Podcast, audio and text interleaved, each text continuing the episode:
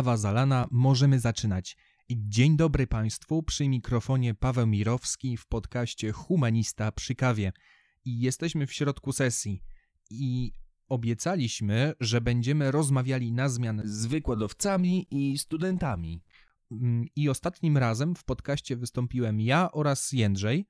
I teraz miał być jeden z wykładowców, ale niestety sesja jest nieubłagalna i dotyczy nas wszystkich. Zatem dzisiaj moim i Państwa gościem jest studentka i to nie byle kto. Mam niezmierną przyjemność przedstawić Wiktorię Kubińską. Cześć Wiktoria. Cześć. E, Wiktoria otrzymała pierwsze miejsce, uwaga, e, w sekcji humanistycznej w trakcie konferencji studenckich kół naukowych pionu górniczego AGH, e, które odbyły się w, na początku grudnia e, minionego roku. I mm, Wiktoria przedstawiła swoją prezentację zatytułowaną Malarstwo koreańskie na tle przemian politycznych i społecznych zachodzących w XX wieku na Półwyspie Koreańskim. I Wiktoria, Wiktoria jest przede wszystkim e, studentką kulturoznawstwa e, na drugim stopniu, więc e, dość adekwatny, adekwatny tytuł do swoich zainteresowań. Nie też dlatego, że mówimy o malarstwie, ale też dlatego, że Wiktoria po prostu interesuje się sztuką i kulturą Korei. Czy coś przekręciłem, czy nie? O, nie musimy aż to tak skupiać na Koreę, możemy to rozszerzyć po prostu na tą Azję Wschodnią, na tą Azję, e, która znajduje się pod wpływem cywilizacji konfucjańskiej. O, ale właściwie zwrócenie uwagi na samą Koreę jest niezwykle interesujące z e, kilku względów. Po pierwsze, no jak myślimy, zawsze, mamy trochę to nasze centralne e, podejście do rzeczywistości właśnie dalekowschodniej, to znaczy inaczej, przepraszam, orientalistyczne. I, I ono miało kilka wpływów. Tak, jeżeli sobie tak zastanowimy się, co mamy, jak kiedy myślimy o Dalekim Wschodzie, to w pierwszej kolejności, i to jeszcze parę, parę dwie dekady, może trzy dekady temu, myślało się o Chinach i państwie środka. Obecnie kultura Chin nadal jest niezwykle istotna. E, w popkulturze chyba konkuruje e, z Japonią. Z kolei, z kolei e, kultura koreańska ona dopiero teraz pojawia się, zdobywa swoje miejsce właśnie przez chyba popkulturę, natomiast to Wiktoria przedstawia nam malarstwo. I no to jest dość istotne, ponieważ zawsze myśleliśmy o Azji właśnie albo Chiny, albo Japonia, rzadziej Korea. Chociaż jak Państwo wysłuchają Wiktorii, to zobaczymy, mm, że tutaj e, będzie taka Korea jako punkt centralny, a nie właśnie gdzieś z, daleko, z dalekiego wschodu. Nie wiem, czy miałaś taką ideę, jak przedstawiałaś e, swoją prezentację na konferencji, że chciałaś pokazać Koreę, która jest niedostrzegana.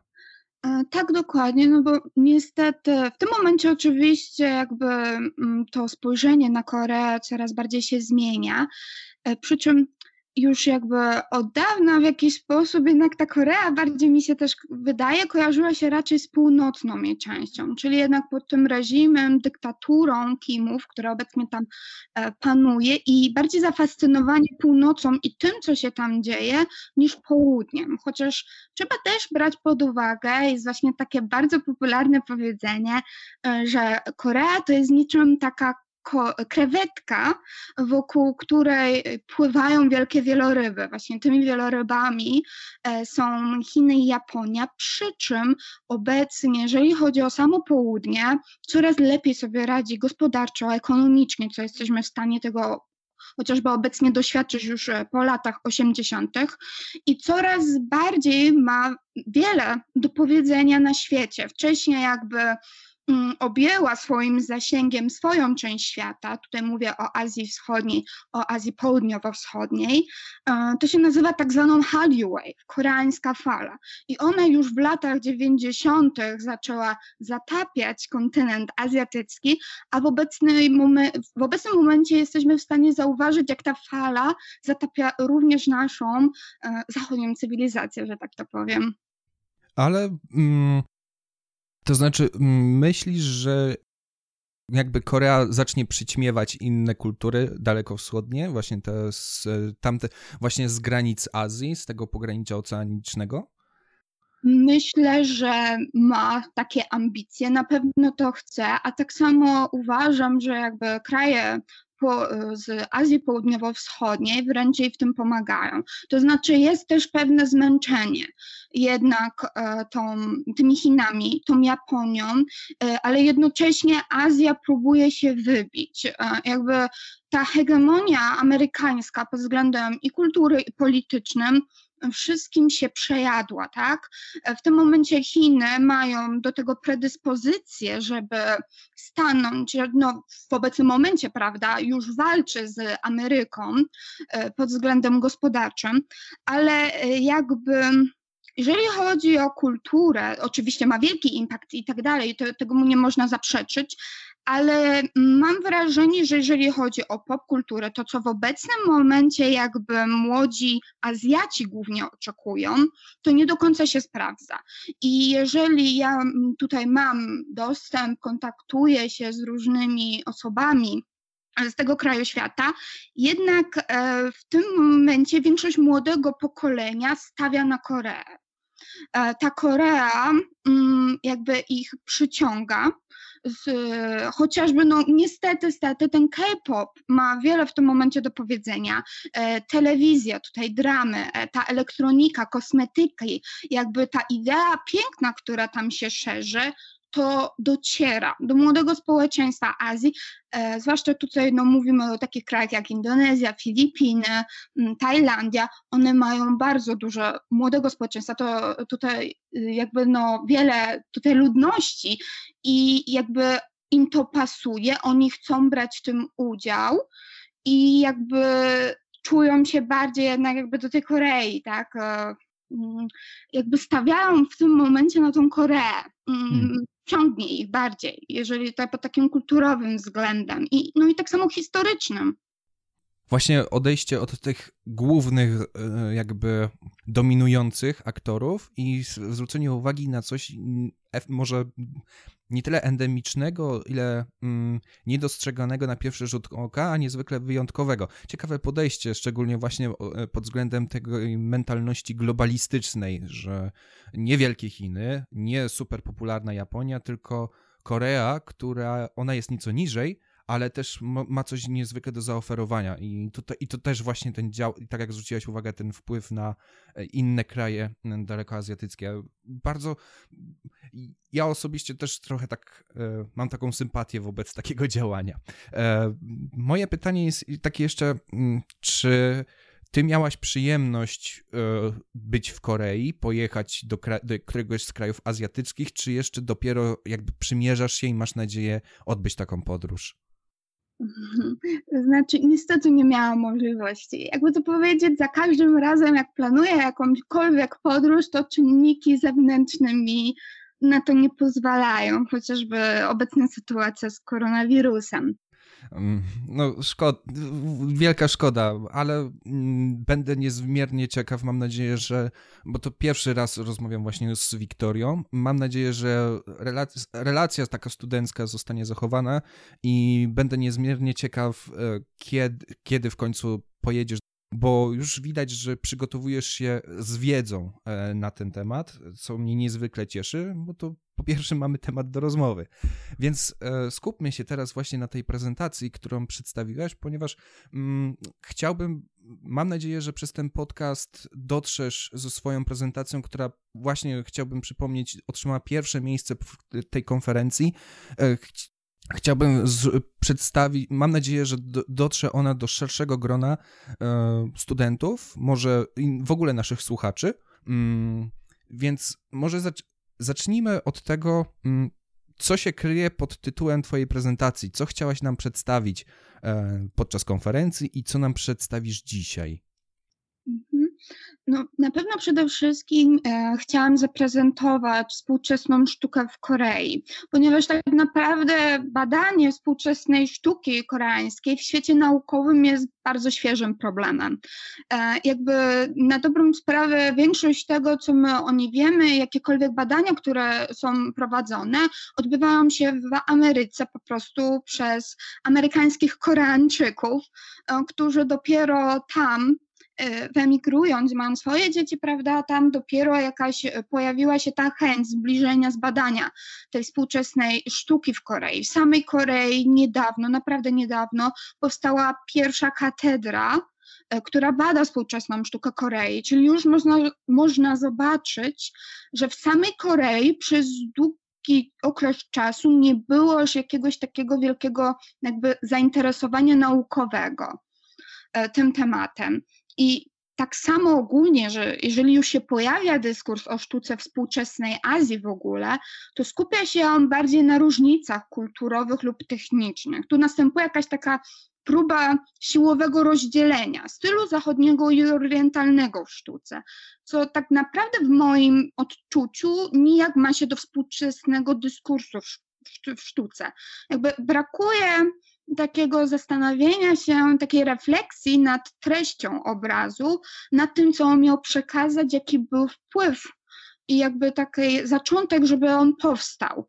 Rozumiem. No i trzeba pamiętać cały czas o tym Hallyu Wave. Ona napływa coraz bardziej i jedna tak sztuka współczesna Korei może, może zostać zaliczona mm, do takiego jakby elementu, tego Hallyu Wave w jakiejś tej, w na jakimś takim poziomie tej sztuki wyższej.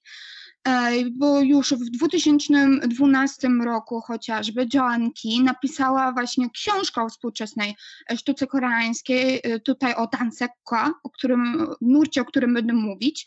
I ta książka dostała wiele nagród. Wtedy jakby zobaczono, jaka, jak, jaki wielki potencjał ma ta sztuka i mhm. po tej książce ta sztuka zawitała na salony w Nowym Jorku. E, zaczęto się nią zachwycać, e, jakby próbować zrozumieć i jednak jesteśmy coraz bardziej w stanie zauważyć e, w tej sztuce współczesnej coraz więcej właśnie tych pierwiastków koreańskich, coraz większą ilość tych koreańskich artystów. Mhm. E, tak jeszcze e, trzeba uściślić, że sztuka współczesna, tak oczywiście przypomnę, chodzi nam całkowicie XX wiek e, i więc no to no jeszcze przed czasami wojennymi i też dla Korei i też dla podejścia w ogóle światowego.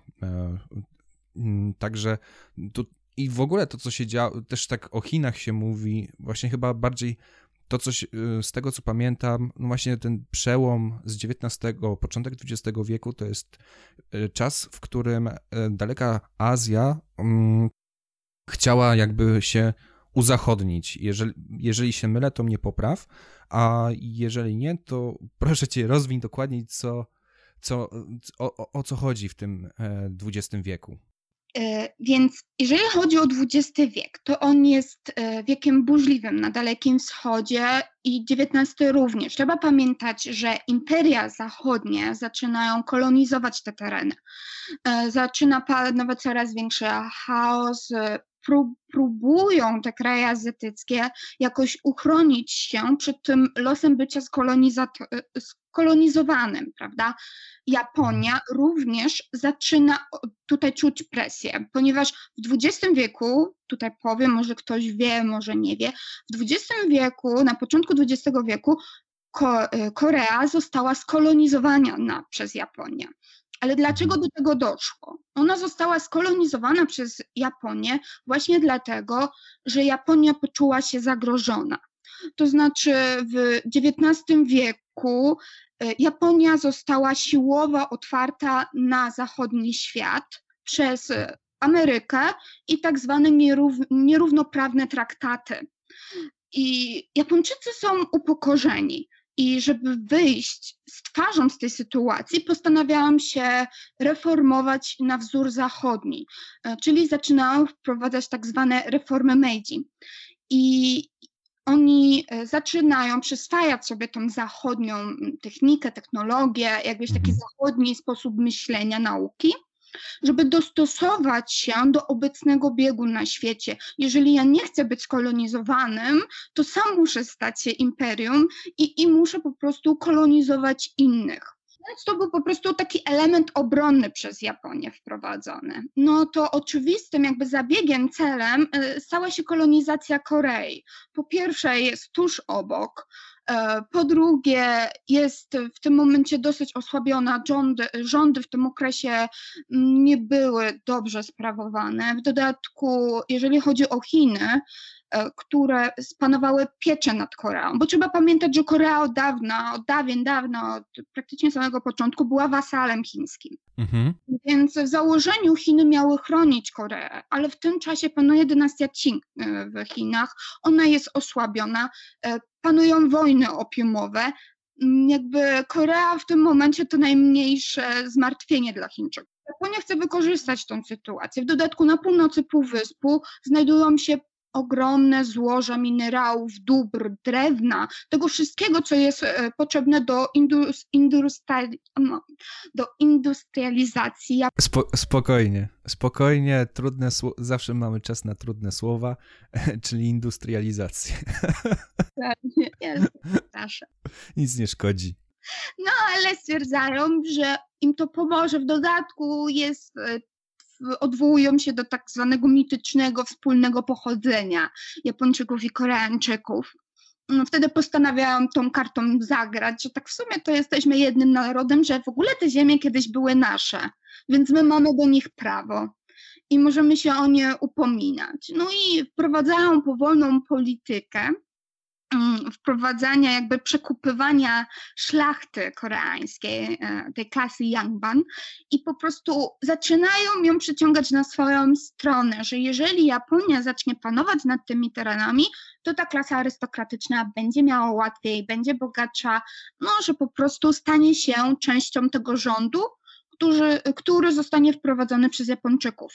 I ogólnie założenia są takie, że ta kultura koreańska zniknie, tak jak język, a Koreańczycy staną się Japończykami i poddanymi cesarza.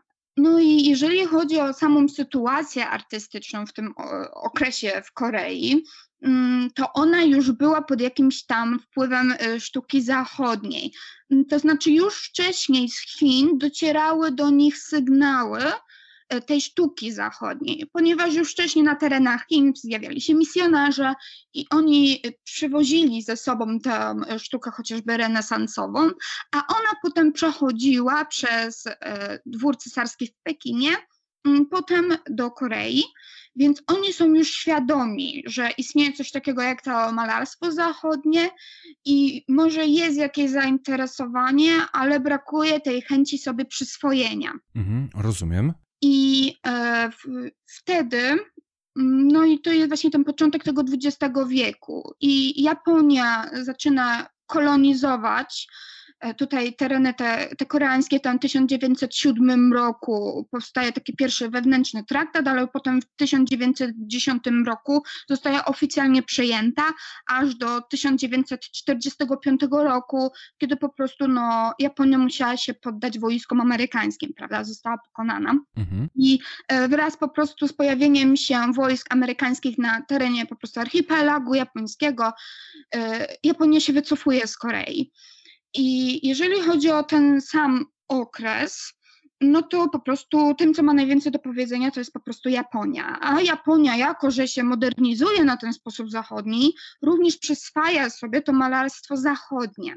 E, wysyła swoich e, mieszkańców, e, swoich artystów do Francji, oni tam się uczą od impresjonistów, postimpresjonistów, to jest jakby ten najbardziej taki temat gatunkowo, który ich do siebie ciągnie i oni przyjeżdżają do Tokio i zakładają tam swoje pierwsze jakby szkoły, akademie sztuki, które są wzorowane na ten sposób zachodni. Czyli rozumiem, że, mm, że Japonia jakby była pośrednikiem we wprowadzeniu kultury, tym, tym najważniejszym pośrednikiem we wprowadzeniu kultury zachodniej na ten Półwysep Koreański, na Wyspy Japońskie, na ten cały, mm, na ten cały pas wschodni, wschod, wschodniego wybrzeża. Czy dobrze rozumiem?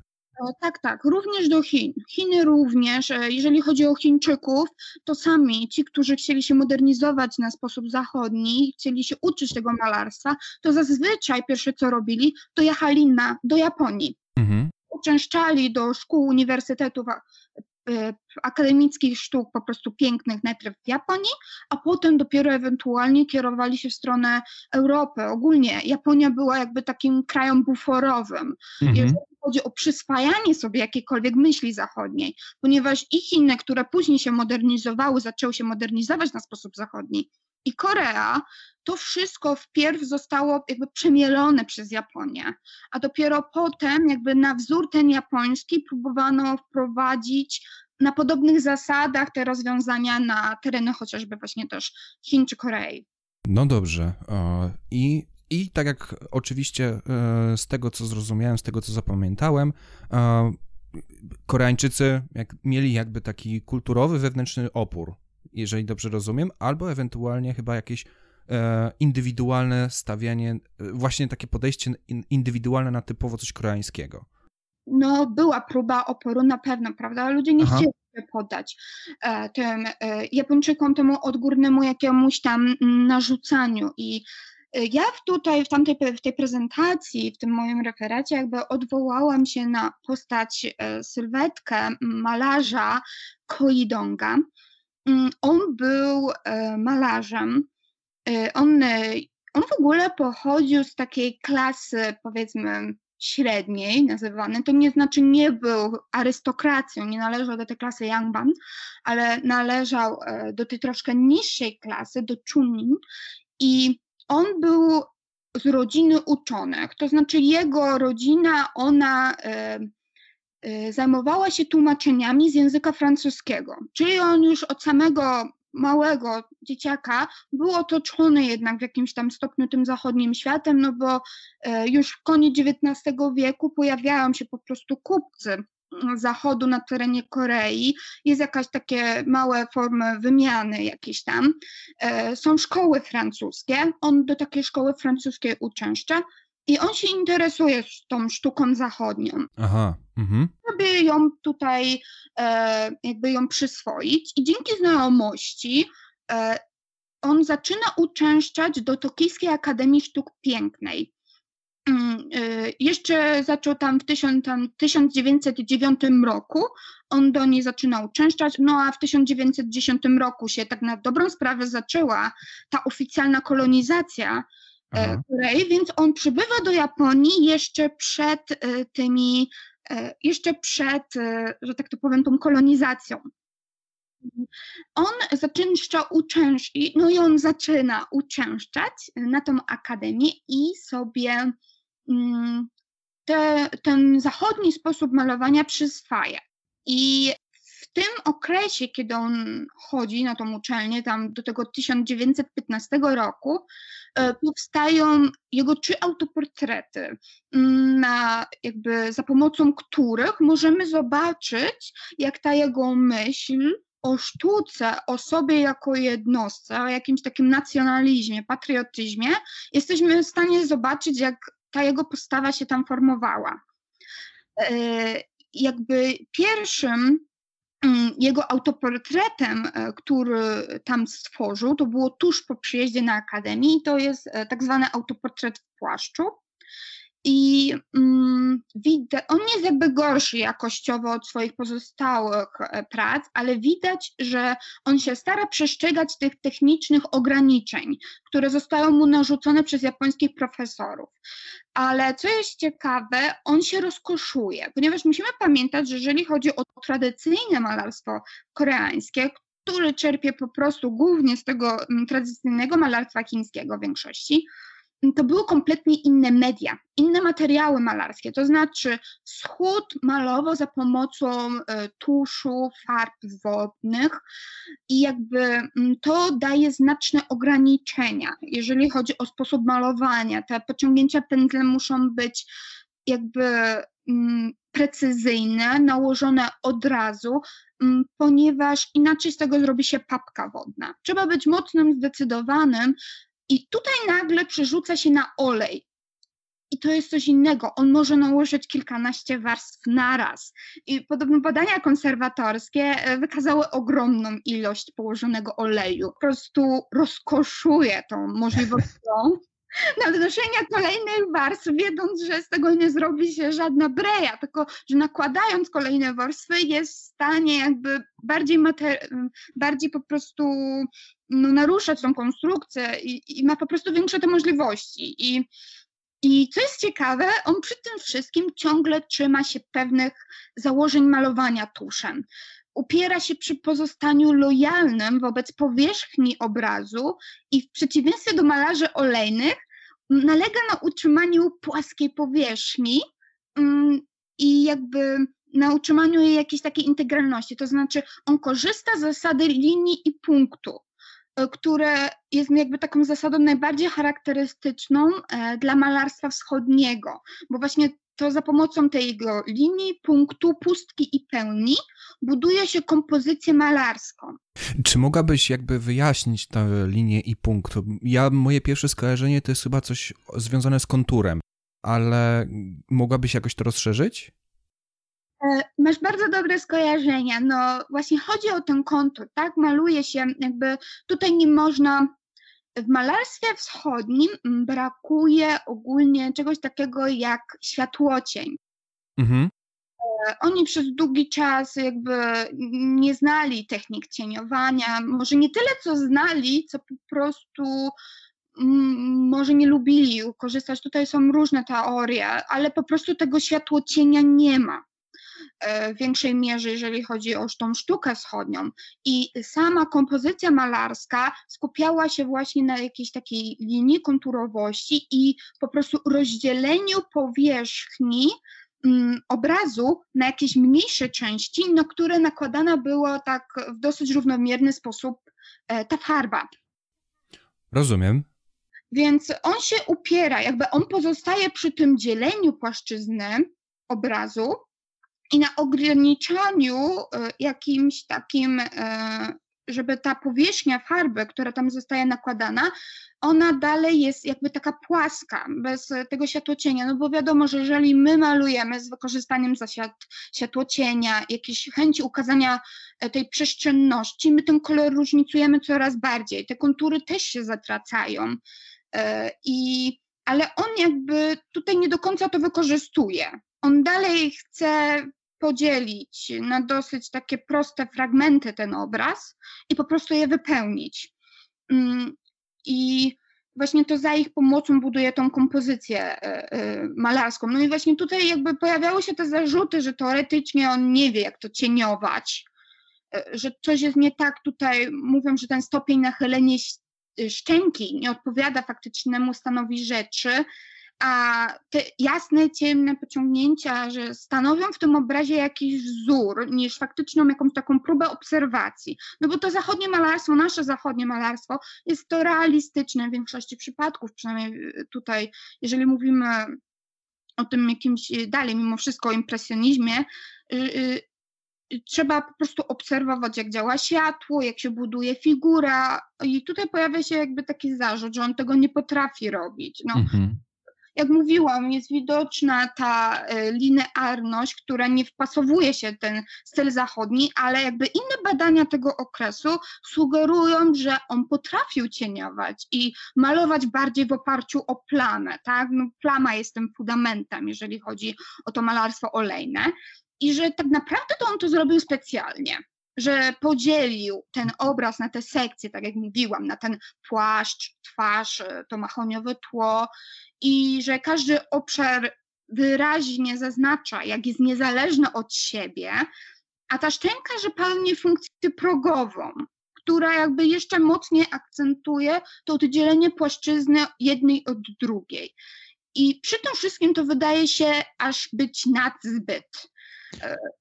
I tutaj pojawiają się niektórzy historycy sztuki, mówią, że on tak naprawdę zrobił jakiś taki polityczny akt, że on już wtedy było wiadomo, jakie są zamiary Japonii względem Korei, i że w tym obrazie można się doszukiwać, jak on wyraźnie mm, jakby próbuje oddzielić ten półwysep od archipelagu japońskiego, że on w jakiś sposób się sprzeciwia tej polityce japońskiej, która powoli zaczyna być wprowadzana na terenie Półwyspu. Ja tak w tej chwili jeszcze może przypomnę, mówimy o obrazach. E, I tutaj właśnie Wiktoria wspomniała, że, że wspomnisz o trzech obrazach ponieważ no, jesteśmy podcastem, ale którzy udostępniamy nasze nagrania nie tylko na Spotify'u, ale też na YouTubie, więc mam nadzieję, że jeżeli wszystko się dobrze uda i pójdzie po naszej myśli, to mm, w, właśnie na e, w podcaście, w nagraniu, które pojawi się na YouTubie, mam nadzieję, e, wkleimy i przedstawimy właśnie te autoportrety, no, no siłą rzeczy po prostu, żebyście, żeby nasi słuchacze po prostu e, zobaczyli, jak dokładnie wyglądają te obrazy i mam nadzieję, że rozpoznają to, co, to, co wskazujesz tutaj w tej naszej prezentacji. Ale to też ciekawe, bo chyba teoretyczne takie podejście, że ktoś próbuje przyczepić, przyłożyć mu tę łatkę mm, patrioty. To dość. E, nie wiem, czy, czy wiesz coś na ten temat, żeby ten malarz e, kiedyś się przyznał do tego, że tak, chciałem zostać patriotą, malując na Akademii Tokijskiej e, coś innego. Nie wiem, czy spotkałaś, spotkałaś się z tym. To znaczy, tak, e, on wyraźnie to zademonstrował w swoim kolejnym autoportrecie. Okej, okay, dobrze. To będzie wyraźnie zaznaczone w całej jego postawie. Zresztą on później, można odnaleźć jego notatki, listy, i też trzeba pamiętać, że on jednak po powrocie do Korei, mm, on był y, w składzie pierwszego z rządów koreańskich i on zajmował się jednak tą y, sztuką koreańską, później jakby tą edukacją, on był odpowiedzialny w kolejnym rządzie i no jednak on się jawił na, tego, na, na takiego patriota. Mhm. Dobrze, to... Rzecz społeczeństwa. Dobrze, to przepraszam, że się wtrąciłem. To znowu wspomniałeś o drugim autoportrecie. Powiedz nam coś o nim. E, tak, e, jest to autoportret z kapeluszem z 1915 roku mm, i on powstał jako praca dyplomowa.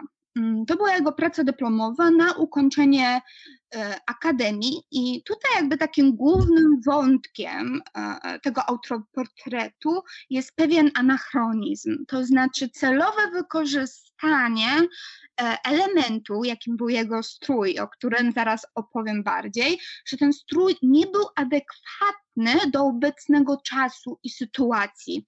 Mm, to znaczy, trzeba zdawać sobie e, sprawę, w jakich okolicznościach e, ten obraz został pokazany publicznie. E, to znaczy, on został wystawiony wraz pracami rówieśników Ko, którzy byli Japończykami. Wszyscy mieli za zadanie namalować po prostu swój autoportret. No i większość prac to były takie przykładowe akademickie prace, które stosują się do tych ogólnych zasad portretowych. Widok frontalny, który jest skontrastowany z monokromatycznym tłem. I Japończycy na tych autoportretach e, najczęściej ubierali siebie w takich stylizowanych kurtkach, które czerpały z zachodu. Jest to wskazanie tej stylistyki zachodniej, I w dodatku same obrazy były utrzymane w jakiejś takiej kolorze szarości, brązów, które po prostu stanowiły idealny podkład, by pokazać swoje możliwości wykorzystywania światłocienia. A jeżeli chodzi o Ko, on ma na sobie królewski hanok. Hanok, czyli taki, e, taki tradycyjny koreański strój, a na głowie ma taki skomplikowany czarny kapelusz z, włosia końskiego, on się nazywa kot. I on był noszony w okresie Choson przez literatów w domu, kiedy pracowali w swoim gabinecie. Tło, jakie on zastosował, e, jest lekko żółte i wydaje się, że został on namalowany z myślą o kolorze jedwabiu, a dokładnie takiego właśnie jedwabiu, który był używany do malarstwa tuszowego portretowego. Chodzi o, o podkład, tak? O płótno, nie, to znaczy o tło. To było A. malowane normalnie na y, płótnie, ale on specjalnie kolor dobiera taki, żeby to obserwatorowi, prawda, jawiło się niczym właśnie ten jedwab, który był wykorzystywany w malarstwie tradycyjnym. Rozumiem. I on właśnie ubiera się w ten tradycyjny strój koreański, y, prawda, z tą czapką muczonego w środku Tokio.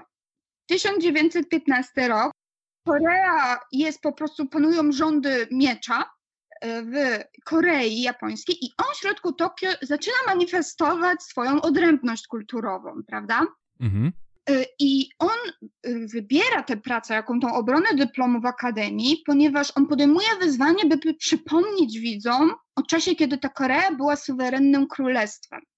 I jej celem jakby też nie jest jakby chęć wrócenia do cudownych czasów świetności, jakichś takich wspominek historycznych, tylko interpretuje się ten autoportret jako dumę rasową.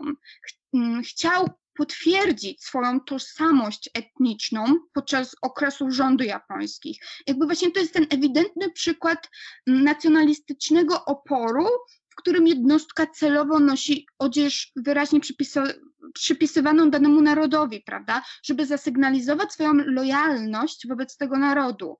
Jest ważne w tym wszystkim, to nie on jest przedmiotem tego obrazu, lecz właśnie ta czapka i ubranie.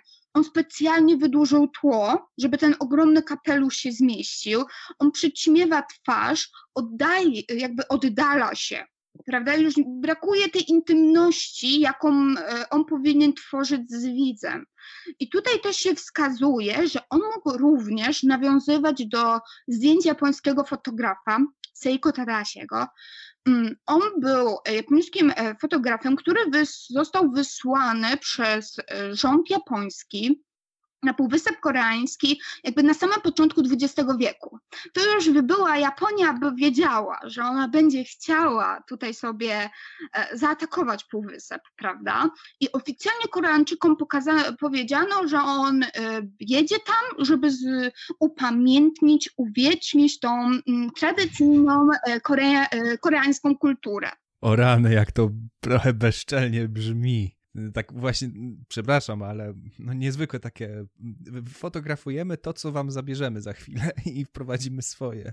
Dokładnie, to, to właśnie można to właśnie tak odczytywać. Mało tego, ten japoński fotograf, będąc tam i robiąc zdjęcie jakieś kapliczką buddyjskim, bud, y, kapliczką buddyjskim, czy po prostu domostwom, tych różnych zabytków jakichś takich e, rzeźb, to on prosi tych koreańskich chłopów ubranych w tych e, hanboki, e, żeby oni stawali obok tych e, ładnych, prawda, tych jakichś tam, tych świątyń i tak dalej i on robi tym Koreańczykom, robi te zdjęcia na tle tych zabytków, które chce niby e, tak strasznie jakby zatrzymać na tym zdjęciu.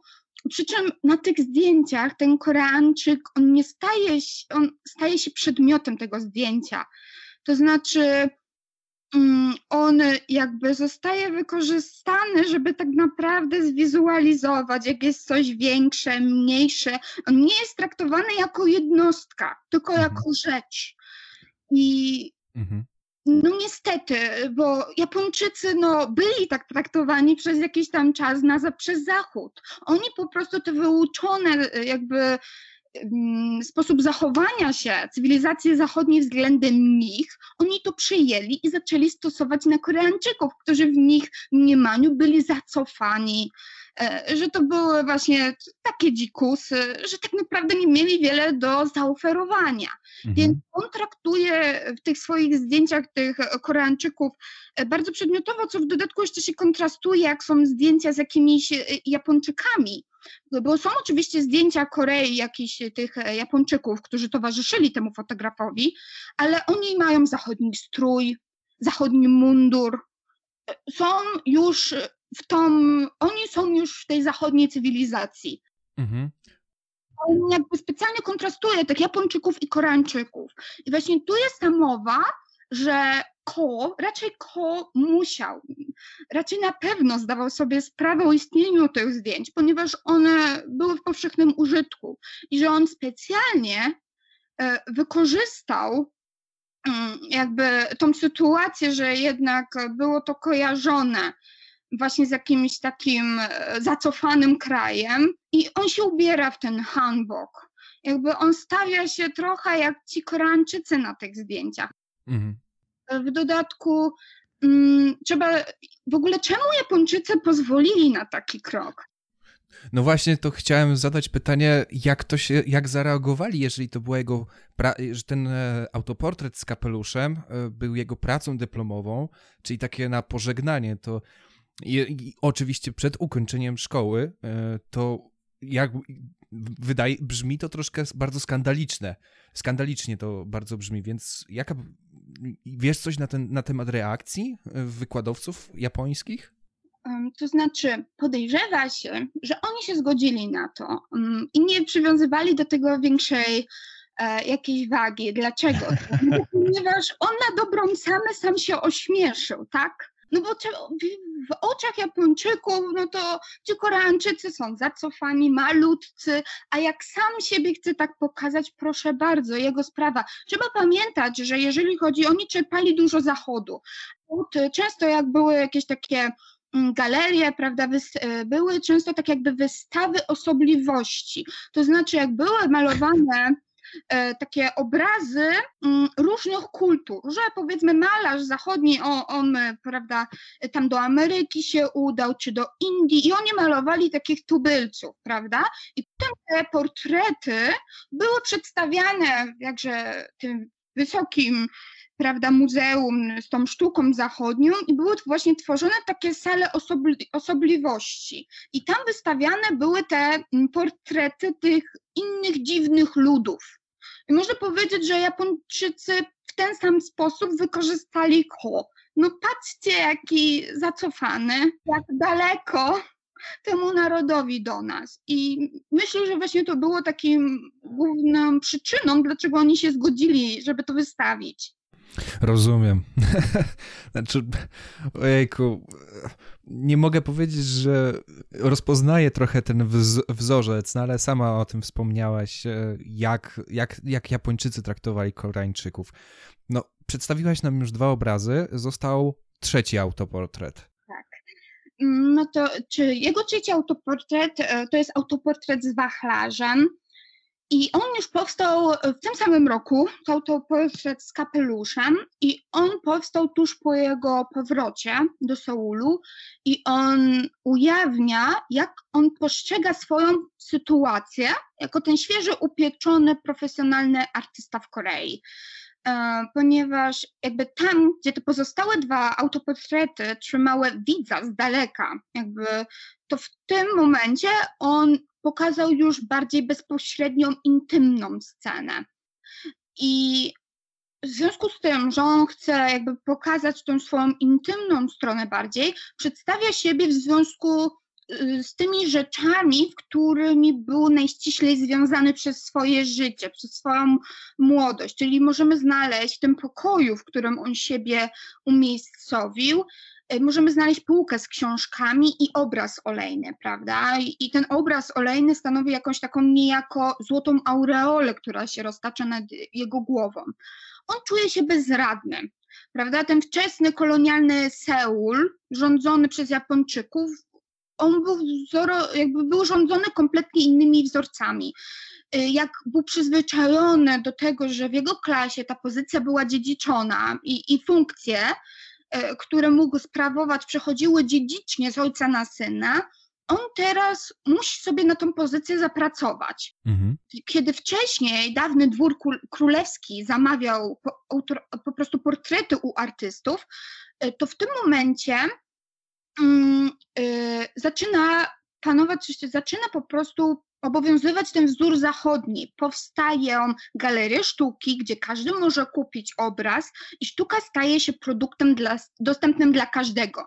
Jak wcześniej, powiedzmy, arystokracja zwracała się bezpośrednio do artysty, zrób mi obraz, namaluj mnie, to teraz artysta musi walczyć o to, żeby przetrwać, o to, żeby mieć kogo namalować, prawda? Mhm. Ko, on przestaje być dużym biurokratem, którego pozycję zapewnia pozycja y, rodziny, prawda? I y, musi sobie na wszystko zapracować, y, to wszystko jakoś znikło i w dodatku sam akt zakupu obrazu on uważa za haniebny on obwinia za to Japończyków, co się stało z tą wysoką sztuką. On się obawia o swoją przyszłość, e, ponieważ on nie może się odnaleźć w tej nowej rzeczywistości i on nie mieści się w obrazie. My nie jesteśmy go w pełni zobaczyć, on tam siedzi taki rozluźniony, pod, y, trzyma ten wachlarz, prawda, jest gorąco, tłoczno, możemy to zobaczyć i on jakby na tym obrazie się nie mieści. Tak jak on nie mieści się w tej hierarchii społecznej, kiedy wrócił do domu.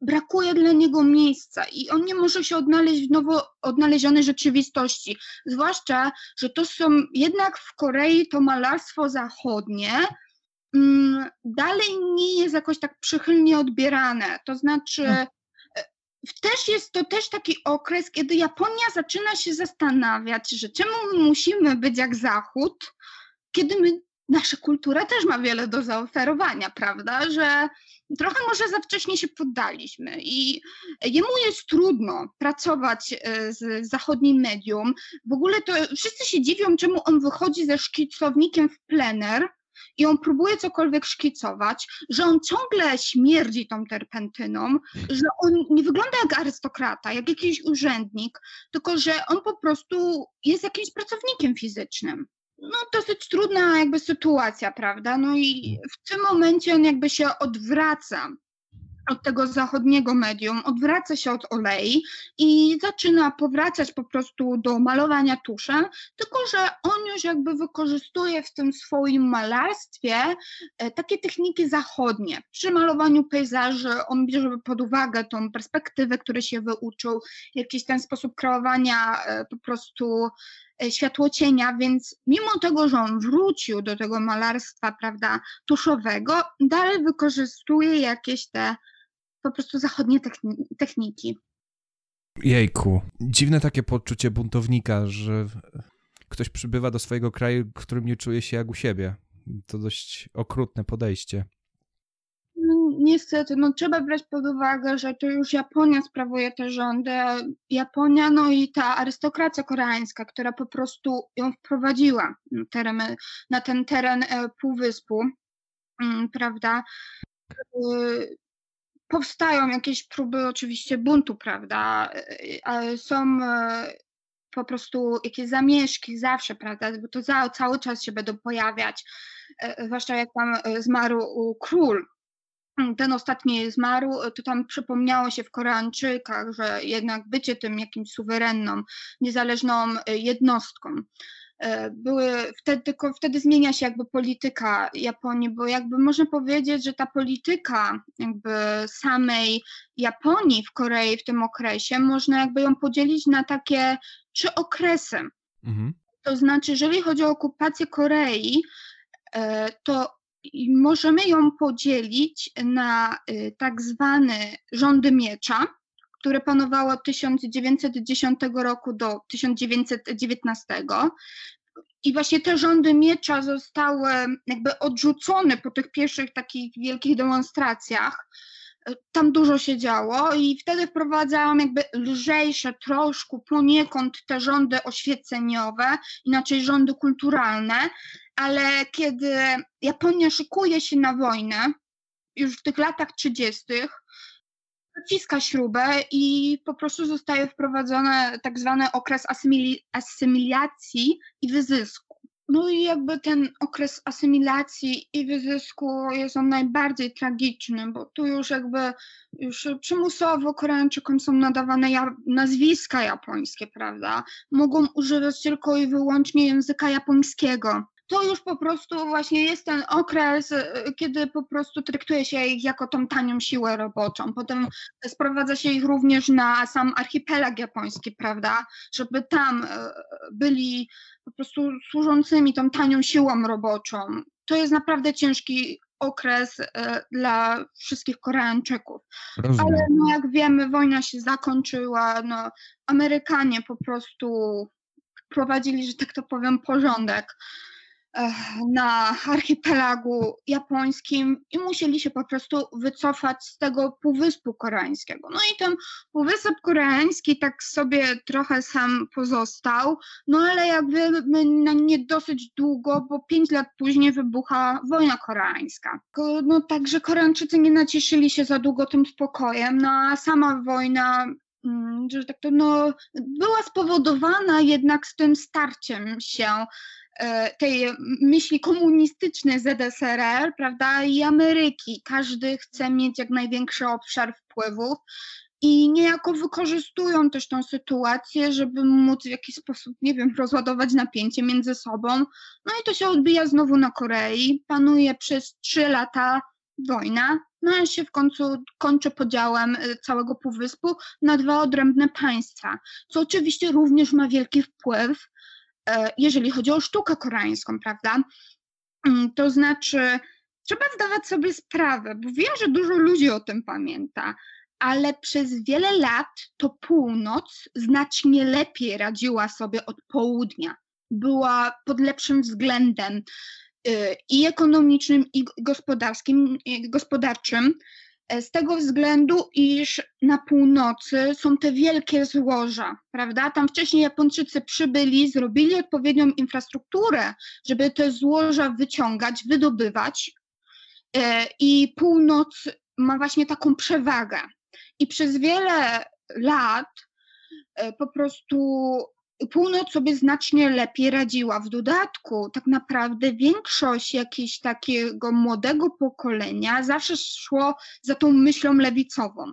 Więc jeżeli chodzi, e, jeżeli chodzi o artystów, koreańskich, jakichś takich wykwalifikowanych, wyuczonych, szczególnie społeczeństwo, oni się kierowali na północ. Tak naprawdę ta większa wyszkolona część Koreańczyków uciekła na północ, na południu był z tym problem. Na południu był problem chociażby właśnie z artystami, tak?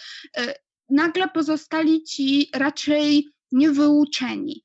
Oni dopiero jako szukają swojej nowej drogi, próbują znaleźć coś nowego. I o tyle, o ile jakby na północy no jest ten komunizm, tak, kierujemy się, tak jak nam wskaże ZSRR, Chiny są też oficjalnym, prawda, tam opiekunem tej części północnej, to, to oczywiste było, że północ się skieruje jakby ku temu socrealizmowi, prawda, na tej sztukę propagandową. To znaczy, przepraszam, jeżeli dobrze zrozumiałem, chcesz powiedzieć, że artyści, którzy zgromadzili się w, Kore- w e, regionie północnym Korei, zaczęli jakby przyjmować, afirmować myśl lewicową i komunistyczną? Tak, no zawsze tak jest. Artyści się buntują, prawda? To jest we krwi. A to była możliwość takiego buntu, jakby pójścia w ten komunizm, prawda? No, większość ta wykwalifikowana część po prostu tych artystów, no ona ucieka na północ, a tam jest próba budowania tego mitu Kima, tak, tej rodziny Kima, e, muszą właśnie e, zdobyć jakieś, bo to nie jest tak e, jakby to, w jakiej pozycji znajduje się teraz Kim Jong-un, to jest wypracowane na, wie, na przestrzeni tych lat jeszcze przed wybuchnięciem wojny w Korei. Bo to trzeba zdawać sobie sprawę, że sami Rosjanie pomagali w budowaniu tutaj tych sylwetek wszystkich. E, to oni byli nauczani, jak, jak po prostu mm, tworzyć tą legendę, żeby przyciągać tych ludzi żeby ci ludzie poszli za nimi. Całą, także e, jakby od samego początku buduje się powoli ten kult. To nie jest nagłe, drastyczne, ponieważ e, oczywiście ludzie by się sprzeciwili dosyć szybko. To jest takie powolne gotowanie tej żaby w wodzie, tak? I, i aż się ją po prostu ugotuje. I sztuka jakby służy tutaj e, właśnie mu temu wolnemu gotowaniu żaby to, to samo się dzieje w Chinach. W Chinach tak samo. Sztuka jest wykorzystywana przez partię komunistyczną.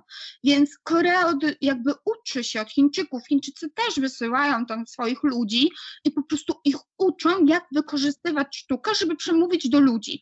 no a tutaj jest jednocześnie ta chęć odwrotu od tego burżuazyjnego zachodu niejako, prawda? A na burżuazyjnym zachodzie co panuje? Panuje sztuka bezkształtna, abstrakcjonizm.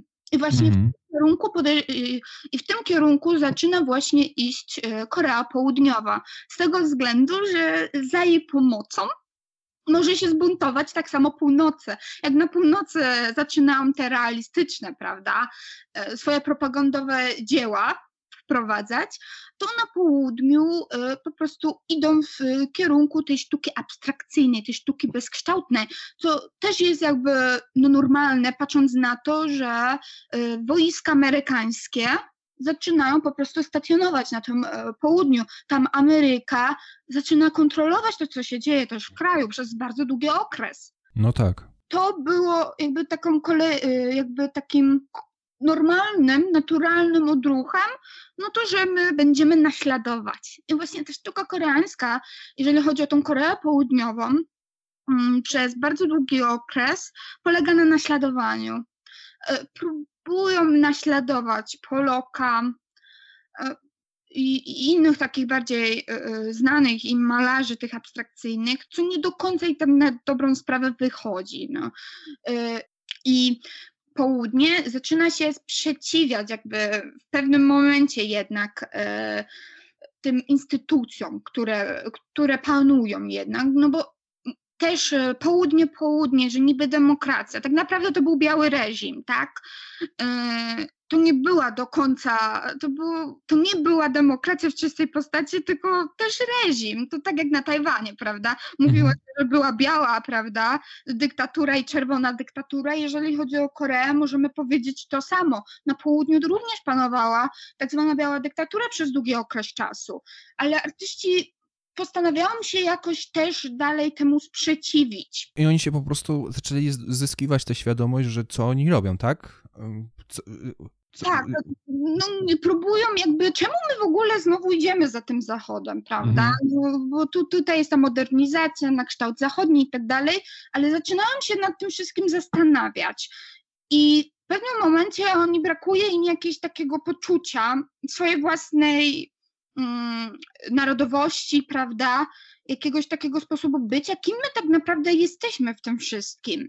Chcą na nowo utworzyć sztukę koreańską, która wyniszczyła na wskutek tych modernizacji na wzór zachodni. I oni zaczynają przywracać powoli mm, jakby takie założenia i pryncypia z myśli, Kora, e, z myśli po prostu konfucjańskiej, prawda, z tego taoizmu, e, z, e, z tego wszystkiego, co przypłynęło z Chin i oni próbują jakby tą estetykę przywrócić, prawda? Oni chcą przywrócić tą koncepcję pustki i nicości, tej mhm. pełni, tego zestawienia się yin i yang, no bo jednak ta jakby malarstwo zwłaszcza no, malarstwo wschodnie opiera się też na przepływie ci.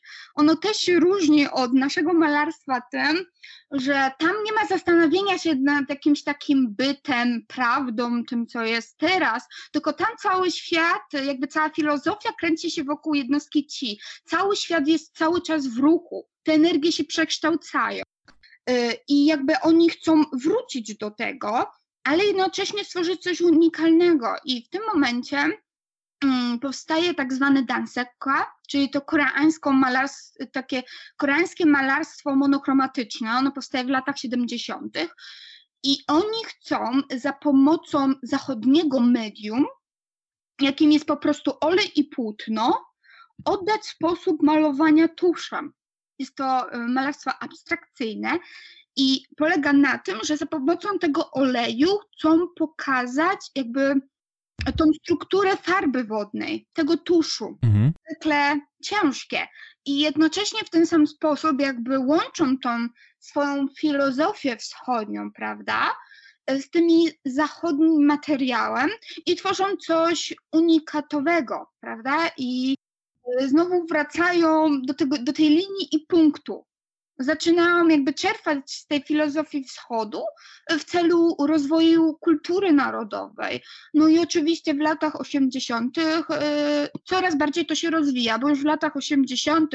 ta południe coraz bardziej sobie radzi ekonomicznie, gospodarczo, otwiera się coraz bardziej również na świat. Tutaj między innymi jednym z takich przełomowych po prostu elementów e, jest po prostu e, olimpiada w Seulu, jaka miała miejsce pod koniec lat 80., to był punkt zwrotny dla całej Korei. No a potem już po prostu są lata 90. i jakby coraz większy wpływ to wszystko kultury. Rozumiem. Czyli właśnie tą podstawą, o której powiedziałaś, która się tutaj przekłada, że właśnie ta linia i punkt jest jakby jednym z takich e, kluczowych dla sztuki dalekowschodniej dla sztuki koreańskiej. I dobrze rozumiem, tak? E, tak, no jak mówiłam, no jakby możliwości też malowania tymi medium wschodnimi ma pewne ograniczenia. No. Wszystko zależało od tego, jak się zróżnicowało tą linię, tą plamę.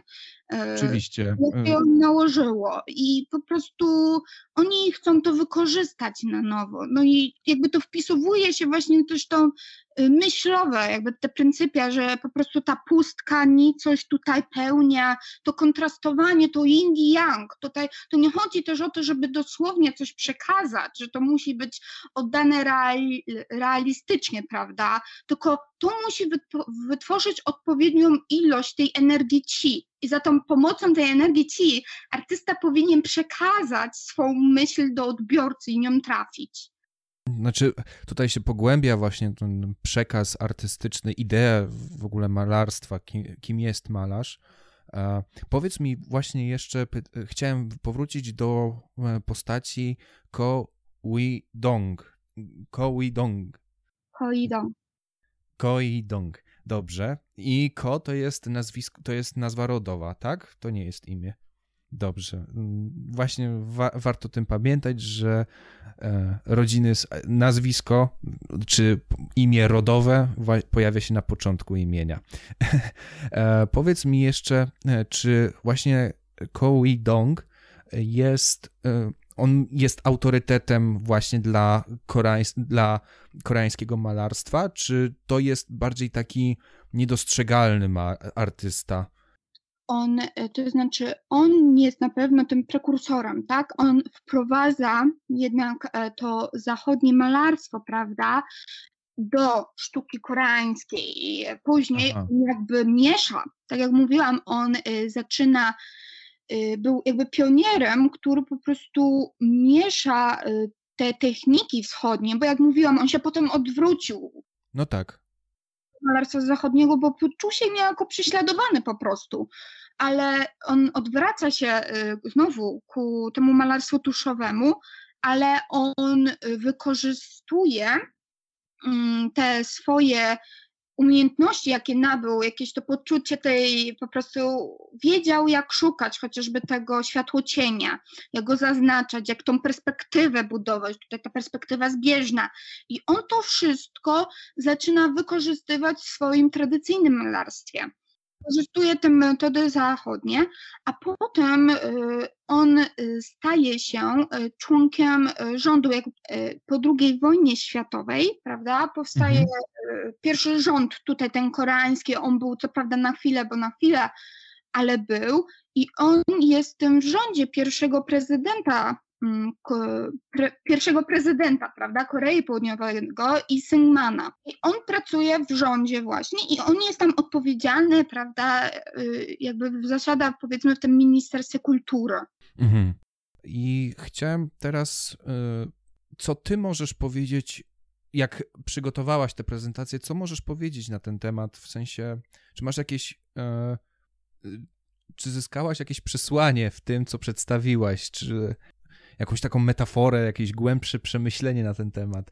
Mm, to znaczy, głównym zamiarem, jakby też jak ogólnie się interesuje tutaj tą sztuką wschodu i tak dalej, ja widzę, że wiele osób sobie tak naprawdę nie zdaje sprawy, mm, jaki wielki był wpływ Zachodu czy tego, czy tego chcieli tamtejsi ludzie, czy nie miał, prawda? Tutaj jest jakby zaburzenie tej własnego poczucia własności.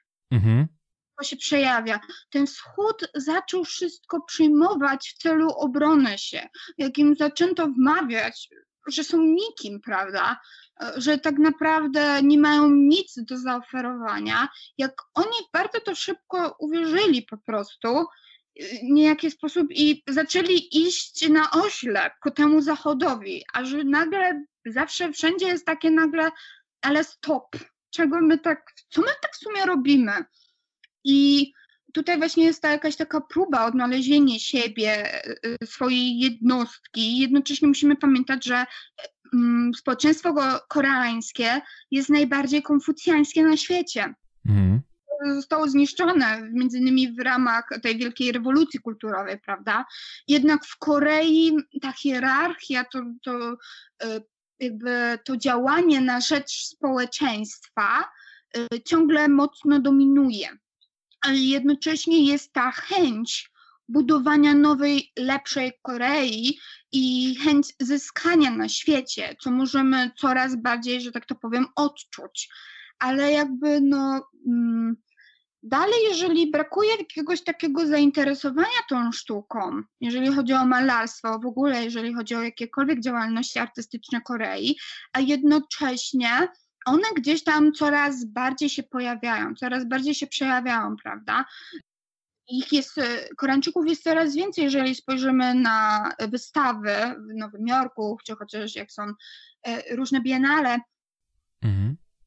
Mm, coraz bardziej dają od sobie znać i wszyscy, też mi chodziło o to, że wszyscy jak utożsamiają obecną Hallyu Wave, której po prostu, tak jak mówiłam wcześniej, możemy zauważyć coraz większy napływ, mało ludzi zwraca, że tak samo się dzieje ze sztuką, że może na obecną chwilę to jest w jakimś takim mniejszym stopniu, ale ta fala coraz bardziej nabiera na sile.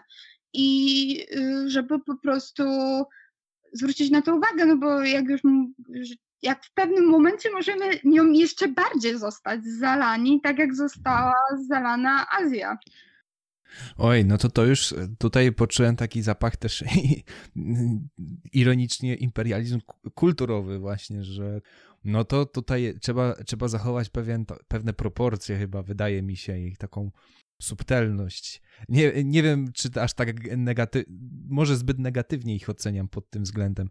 Na pewno to, jak e, to, co powiedziałaś, e, przede wszystkim ten wpływ Zachodu i ten nasze, naszą e, postrzeganie w ogóle Azji i ich perspektywa tego, to co się działo właśnie na początku XX wieku szczególnie i to jak oni później odebrali tę westernizację, tak to, tak to trzeba nazwać.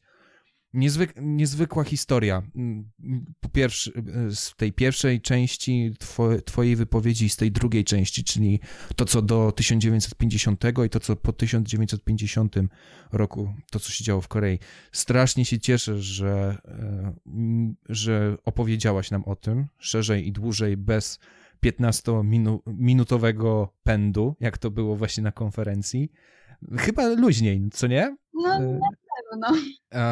Jeżeli coś jeszcze masz do właśnie do, do uzupełnienia, to bardzo proszę e, śmiało. Zbliżamy się do końca naszej, naszej dyskusji, więc bardzo proszę chciałabym zwrócić uwagę na jak wiele ma do zaoferowania po prostu Korea. Dużo Koreańczyków to wskazuje, że Polska i Korea jest taka sama, tak? Polacy byli otoczeni przez Niemcy i przez Rosjan, prawda? E, Korea jest otoczona przez Chiny i Japonię. Przez wiele lat była po prostu pod panowaniem chińskim jakimś, tak? Była wasalem chińskim, przyjmowała ją kulturę, jednocześnie korzystając z tej kultury, tworzyła swoją własną, e, swoją własną jakąś taką poczucie własności, jakieś takie poczucie indywidualności i jest jakby większa, coraz większa chęć mm, dania o sobie znać, zaznaczenia, że ja tutaj jestem, że ja, może jest ta północ, panuje ten reżim tam, ale południe również jest inne, unikatowe i też ma wiele do zaoferowania. I żeby nie przymykać na to oko, po prostu nie przymykać na to oka i tylko y, spróbować jakby no, wyciągnąć jak najwięcej też i się uczyć od siebie nawzajem. Dziękuję za tę rozmowę. Życzę Ci, żebyś faktycznie odbyła podróż do Korei. Dzięki wielkie. I w tym momencie zamykam e, nasz podcast Humanista przy kawie. Dzięki bardzo. Do następnego razu. Cześć.